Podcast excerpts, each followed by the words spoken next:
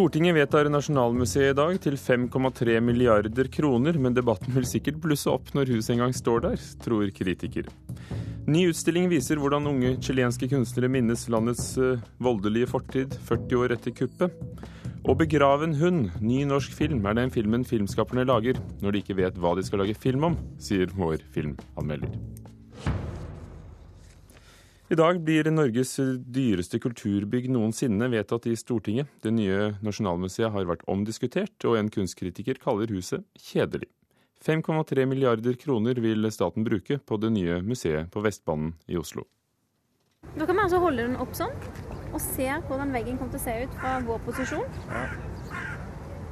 Og de vil få et lite blikk inn i framtida. Det er ganske stilig. Kulturminister Hadia Tajik og museumsdirektør Audun Eckhoff spaserer rundt med en smarttelefon foran seg. Gjennom en applikasjon ser de hvordan det nye Nasjonalmuseet for kunst, Forum Artis, på Vestbanen i Oslo kommer til å se ut. Et gigantisk bygg på 54 000 kvadratmeter med en opplyst alabasthall på toppen. Hvis vi fortsetter å gå, så tror jeg vi kommer inn. Ja. Er det plass til oss begge svingdører, tror du? I hvert fall virtuelt. Ja. I dag vil Stortinget vedta å bruke 5,3 milliarder kroner på det nye museet. Det er det dyreste kulturbygget som er bygget i Norge noensinne. Til sammenligning kostet operaen i Bjørvika 4,3 milliarder kroner. Etter mange år med diskusjoner er kulturministeren fornøyd med resultatet. Hvis man skal være en ambisiøs eh, kulturnasjon, eh, så må man òg tørre å tenke denne type tanker. Eh, og diskusjonen om et nytt nasjonalmuseum har gått i veldig mange år før man klarte å ta den beslutningen om at dette er noe man ønsker å gjøre.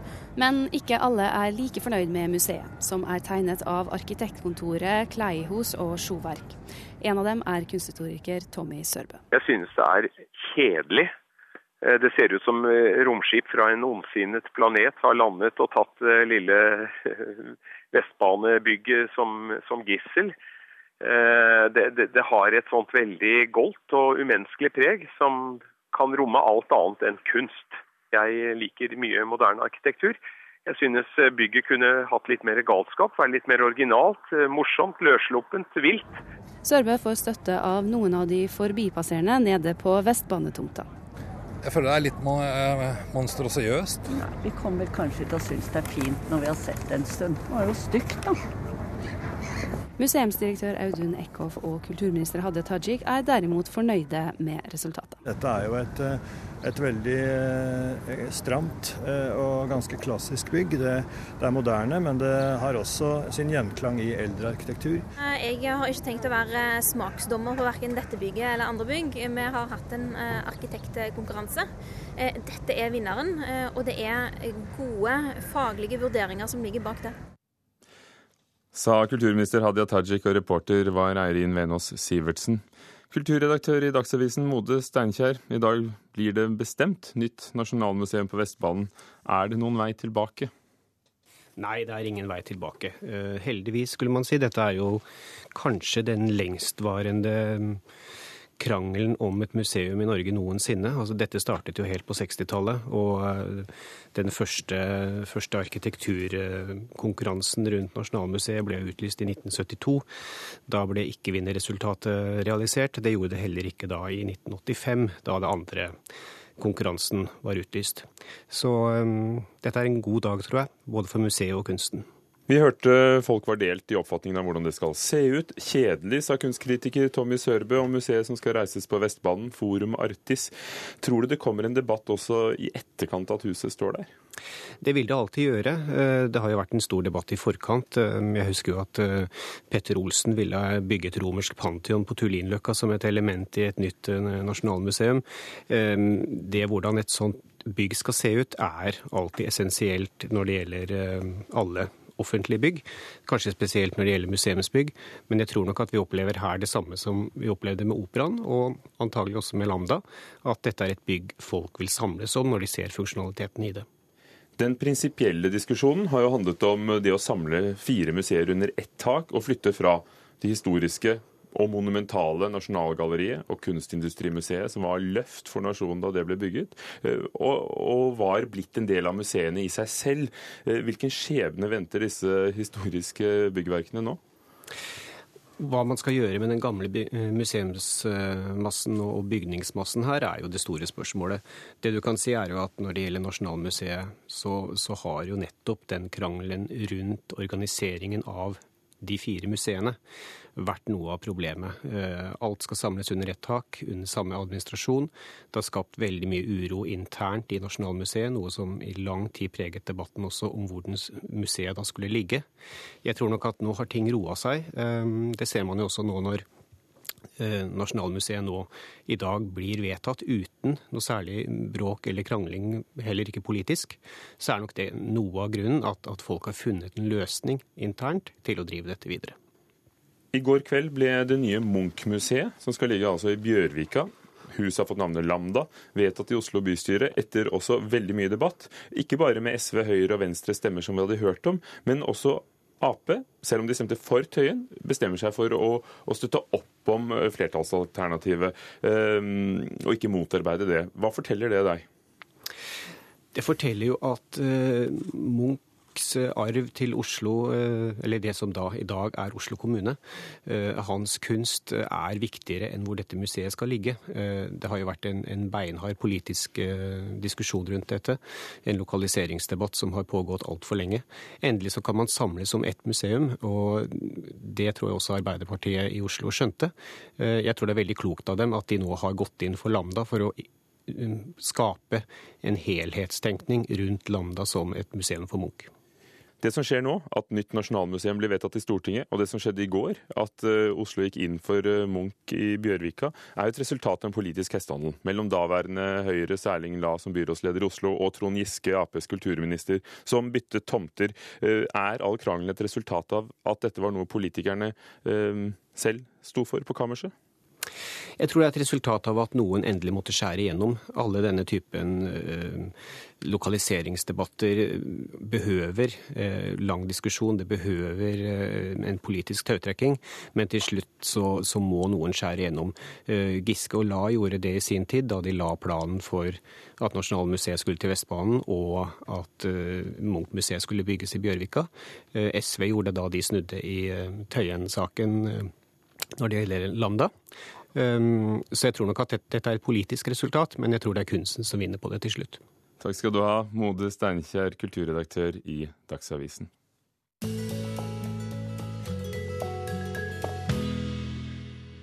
Flere hundre Jo Nesbø-fans sto i kø sent i går kveld foran Tanum bokhandel i Karl Johans gate i Oslo for å få tak i den siste boken om etterforsker Harry Hole som ble solgt ved midnatt.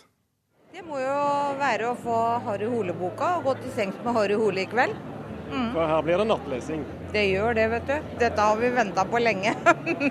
og jeg håper ikke dette er siste boka. Jeg håper ikke det er slutt. Vi venter i spenning. Kommer du til å kikke litt på siste siden for å sjekke? Jeg tror det. Bokhandelen på Karl Johan var fylt til randen i natt. Mer enn 500 ivrige lesere ville være de første til å få politi, den siste Harry Hole-boken, i hånden. Ja, nei, Jeg må jo få med denne boka. Nå har jeg gleda meg lenge. Jeg har ligget våken de siste to nettene og lest de siste to bøkene. Så det Skal du ligge våken i natt og lese? Ja, det er vel stor fare for det. Vær så god, forsyn dere med nøtter og vann og jordbær, og så bare trekker dere litt lenger innover. Gi en varm applaus, mine damer og herrer, Jo Nesbø. Med bokbad og opplesning er dette det største lanseringsarrangementet som er holdt for en bok i Norge. Jo Nesbø lar seg fascinere av fansen. Jeg hadde ikke trodd uh, selvfølgelig at, uh, at den fyren som jeg oppe og skrev om uh, for hva blir det? I, altså i 97, som jeg begynte å tenke på på et fly til Sydney den gangen, at folk skulle stå i kø midt på natta for å skaffe seg boka. Så det, er, det er absurd, men det er, det er, morsomt. Har du en plan for å unngå senebetennelse i kveld? Nei, ikke i kveld. Vektere passet godt på stablene med bøker i butikken. Men ett minutt over midnatt gikk gongongen. Plasten rundt Bokberget ble klippet opp, og signeringen kunne starte. Førsteopplaget av Politi er på 270 000, det største noen gang her i landet. Forlagssjef Mats Nygaard i Aschehoug regner åpenbart med et godt salg. Likevel lot han seg overraske av responsen i bokhandelen i natt. Det er utrolig gøy å se en stappfull bokhandel nesten midnatt. Eh, som, som, som, som, trekker inn bare for å se, høre og kanskje også kjøpe boka til en norsk forfatter. Det er fantastisk gøy. Hva betyr Jo Nesbø for Aschehoug? Han betyr veldig mye. Han betyr mye for forlaget, han betyr mye for eh, forfatterkollegaene sine på, på forlaget. Eh, store bestselgende forfattere er veldig viktig for, eh, også for bredden og for de smale forfatterne i Norge. Og, og, og de store inntektene som følger bestselgerne brukes til å utgi andre bøker som ikke tjener så mye. Så det betyr veldig, veldig mye. Forlagssjef Mats Nygaard hos Aschehoug, reporter Thomas Alverstein Ove. Klokken er 16 minutter over åtte dører på Nyhetsmorgen i NRK. Overskriftene denne morgenen. Boliger i storbyene er overpriset og kan falle kraftig i pris fremover, spår flere økonomer. Nav-direktør Bjørn Gudbjørgsrud mener at byråkrati og kontrollrutiner stjeler tid fra arbeidet med å få ned sykefraværet. Og Giuseppe Verdi på Fredriksten festning hadde premiere i går kveld, og dit skal vi senere i Kulturnytt. Dette er min mest personlige utstilling, nærmest et livsprosjekt. Det sier kurator Daniela Ariado om utstillingen som åpner i Stavanger i kveld. Ariado kom til Norge fra Chile da hun var tre år gammel, og hun vil vise hvordan unge chilenske kunstnere minnes militærdiktaturet de selv ikke opplevde på kroppen. Det blir jo nesten litt sånn eh, pompøst å si at det er et livsprosjekt, men det, jeg, jeg, har jo egentlig den, det forholdet til de fleste prosjektene vi gjør innenfor kunst. Kurator Daniela Ariado har samlet videokunstverk fra fem unge chilenske kunstnere. Det er Enrique Ramires, og verket heter 'Brisas'. Det ble filma i Santiago. Der han vandrer rundt i gatene og, og vil eh, dedikere verket til sin mor i anledning eh, militærkuppet som startet i 73. I ølhallene på Tau scene i Stavanger, som nå er blitt galleri, viser chilenerne sine verk 40 år etter at Augusto Pinochet tok makten ved et militærkupp i landet. Og han, og han dedikerer òg eh, filmen til selve minnet. Altså ideen om hvordan du låner minner av andre til din egen identitet. Og det er vel det som vi alle i vår generasjon som er født etter 1973 eh, har òg gjort. Vi har lånt minner levd eh, historien til landet vårt gjennom våre foreldre og gjennom den, selvfølgelig den kollektive hukommelsen. Og det er vel det denne utstillingen handler om òg.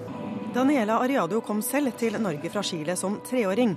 Hun jobber som kurator i Stavanger og Berlin, og utstillingen 'Memory Lost and Found' er en drøm som går i oppfyllelse. Det er vel kanskje det mest personlige prosjektet jeg har gjort nå i veldig mange år så har jeg hatt lyst til å først og fremst vise chilenske kunstnere i Norge. Men uh, ikke minst så har det òg vært en sånn personlig søken på historien om landet mitt for å nærme meg Chile. Jeg vil dele dette her med, med dere. sant, her. Så var det jo veldig mange år der chilenerne var isolert. Så jeg tror nok at eh, den generasjonen nå kommer seg ut og, og trenger å, å, bli vist. It's, it's, it's again, uh, Super 8 and 8 millimeter found home movies. Andrea Wolff viser seks videoinstallasjoner i en serie som heter Little Memories, små minner. Hun er basert i Brooklyn og bruker gamle 8 mm familiefilmer som hun finner, og viser dem sammen med små leketøysfigurer. All like tiny video installations that reflect on how memories are brought back to us.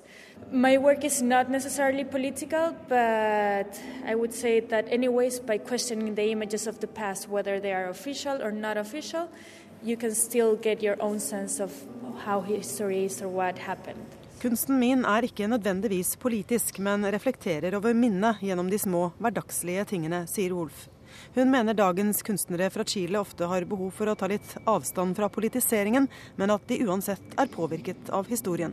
I feel that somehow we're always influenced by our history, whether we're aware of it or not. The memory or answer basert på et brev som Lorena fikk av sin far, hvor han eh, forteller henne hvordan 11.9.1973 var for han. Den dagen som forandra eh, historien til Chile, og hvordan det var også starten på 15 år med, med mørke. da. Ariadio viser fram videoverket til Lorena Ciorello, som også kommer til åpningen. Selv har hun jobbet i ti år med denne utstillingen. Veldig mye emosjoner som kommer fram faktisk nesten sterkere når du, er, kan du si, når du har immigrert. Du vil vite mer. hele veien. Du kan ikke få nok. Tror du det er sånn som hun sier, er det ditt inntrykk òg, at ganske mange kunstnere faktisk nå er mer opptatt av å ta litt avstand fra dette politiserte? Det tror jeg de vil. det tror jeg de vil. Samtidig som man kan ikke begynne på null. Fordi det, det er vår generasjon som skal styre landet videre. Sa Daniela Ariado om utstillingen med chilenske kunstnere i Stavanger, og hun ble intervjuet av Anette Johansen Espeland.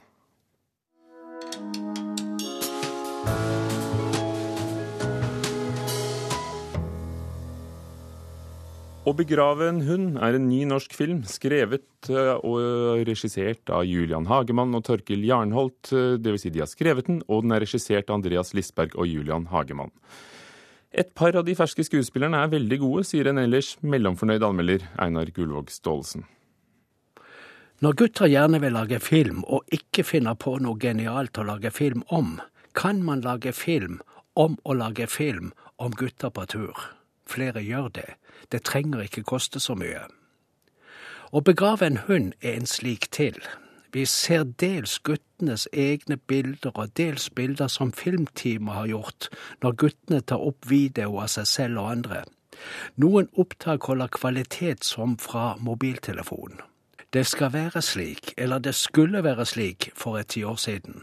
Hver hyttetur fremover så skal vi lage en liten film Og det et segment i hytteturfilmen som heter 'Tett på jord'. Filmen handler ikke om å begrave en hund. Filmen handler om hvor hunden ligger begravet. I handlingen gravlegges et vennskap som fire gutter fra barneskolen går altfor hardt inn for å bevare. De har vokst fra hverandre for lengst, men ønsker ikke å se det slik. Hytteturen er en tradisjon. De er på samme stedet ved sjøen hvert år. Der skal man helst være litt hyper og snakke hipt om ting og ingenting. Man kan være som man vil hvis man bare ikke forsøker å vokse opp.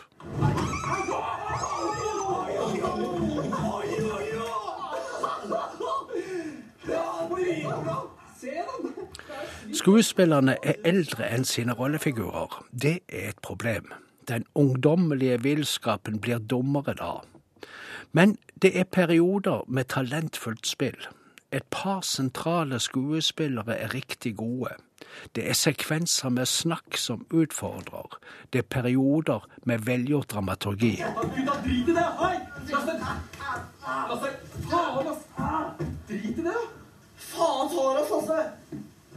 Det er også noen meninger bak men er usikre på om vi er opptatt av dem. Vi kjenner oss i hvert fall ikke berørt. Den hardeste typen blir den mykeste. Det meldes hjemmefra at det er skjedd noe med mor. Det er skjedd noe med mor før også. Det er kanskje derfor gruppens mest dominerende og minst ansette fortsatt bor hjemme. Han er kanskje en slags far for sin mor. Vi kommer ikke videre i den historien. Vi tråkker i samme salaten veldig lenge. Og vi må ta de billige poengene og innfallene. Noen er uelegante, men manusforfatterne og regissørene er for dannede til å være ufine. De venter til det blir mørkt med å bade nakne, for eksempel. Det mest originale drittstykket de gjør mot sine medmennesker, er å skite i hullene på golfbanen. Slike innfall dukker ikke opp hvor som helst i byen. Filmen ser ut som et entusiastisk ungdomsarbeid fra en bydel som ikke er Tøyen. Og filmskaperne bak Å begrave en hund kan vi møte i Kulturnytt i ettermiddag klokken 16.30. Einar Gullvåg Staalesen har sett flere av ukens premierer, og anmelder dem i Mørkets opplevelser i P2 klokken 19 som vanlig. Blant annet en film med både lukt og smak, som han sier, om den franske president Mitterrands kokke. Nå opera. I går kveld var det premiere på Østfoldoperaens oppsetning av Giuseppe Verdis Nabucco på Fredrikstien festning i Halden. Klokken er ti over ti. Det er 20 minutter til Østfold Operas oppsetning av Nabucco starter på Fredriksten festning i Halden. Aftenkjoler og slips er byttet ut med regntøy og myggstift på festningen der publikum nå er i ferd med å finne plassene. Publikummer Atle Rød tok like gjerne på seg regntøyet med en gang. Man må jo være forberedt. Man skal nyte musikken og ikke tenke på vær. Hvilke forventninger har du? Store forventninger. Det er en uteopera, så da blir det jo, eller uteoppsetning, så da blir det jo uh, den dimensjonen at vi kan bli forstyrret av vær og vind og den type miljøet. Operasjef Pål Scott Hagen God dagen. Hei, hei. har jobbet med oppsetningen i to år. Nå, litt, nå, begynner det liksom å nærme seg. Hva er øyeblikket her sånn, hvor ting går riktig og du tenker at ja, vi har fått det til? Nei, Jeg vil jo si at det er egentlig fra første tone. Den tonen og alle de andre er det lydtekniker Dag Steffen Solberg som har ansvaret for.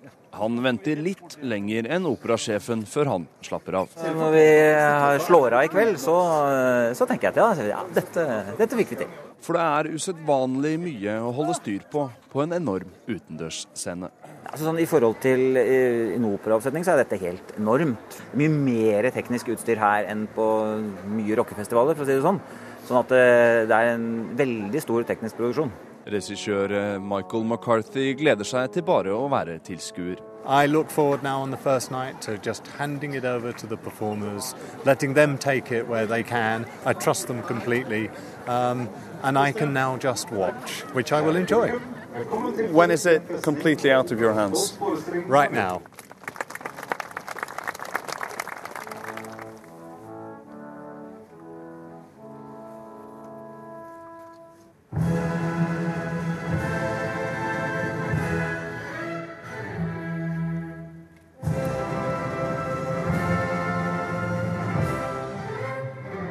Lyset dempes naturlig, og de storslåtte kulissene blir stadig flottere opplyst under en dramatisk himmel.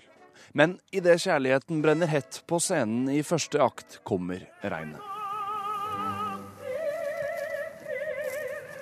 Dette er lyden av 2000 regnjakker som dras opp av sekker og over et publikum som ikke lar seg skremme av en liten skur. Men innen slavekoret synger triumferende og feirer returen til hjemlandet, har de gitt seg for lengst.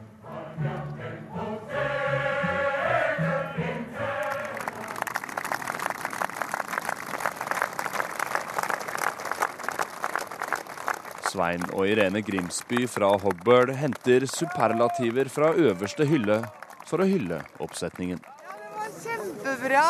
Det var den ultimate kunstopplevelsen. Absolutt den beste så langt. Så, ja. Jeg var så imponert over koret. Leif Åge Tønnesen har tatt turen helt fra Lillesand. Han var mest imponert over amatørene på scenen. Altså Dette amatørkoret, så presist, så homogent og sånn dynamikk fra det svake til det sterke. Det er helt utrolig hva de får til. It was emotional, it was good storytelling, it was intense, and very, very beautiful at times. It looked heavenly. This place is magnificent. The castle is just so exciting to see under these conditions. It, it was thrilling. You going to come back? Oh yes, I'll be back. Og det var operasjefen Michael McCarthy som lover å komme tilbake til Østfold. Reporter på Fredriksten festning i går var Peter Nilsson, hvor Nabucco er verdig om kongen av Babylon, Nabukadnesar og jødenes skjebne hadde premiere i går kveld. Det ble labert salg av Munch-bilder på auksjonen som fant sted på Grevedes plass-auksjoner i går. 15 av de 41 Munch-bildene som ble lagt frem for salg på Munch-auksjonen, ble ikke solgt fordi de ikke oppnådde minsteprisen. Flere fikk hammerslag under utropsprisen og ble derfor bare solgt med forbehold om at eierne faktisk ville selge dem. Samtidig oppnådde et fargelitografi av Madonna å bli solgt for eh, det som ifølge Grevedels plass-auksjoner er en rekordsum for et litografi av Madonna. Det gikk for 8,2 millioner kroner uten gebyr, og det var godt over prisantydningen. TV 2 vil selv bestemme hvor mange reklamepauser det skal være under sendinger fra OL i Sotsji neste år. Etter dagens regelverk kan de bare ha 12 minutter reklamepause i timen, og så må det være 20 minutter mellom dem. Men TV 2 vil heller tilpasse reklamepausen etter det som skjer på skjermen. Det vil Kulturdepartementet også åpne for, skriver Dagens Næringsliv i dag. Og det var Kulturnytt ved Vidar Sem, produsent, Hilde Tosterud, teknisk ansvarlig, og Ugo Fermarello, programleder. Dette er Nyhetsmorgen. Klokken er straks halv ni.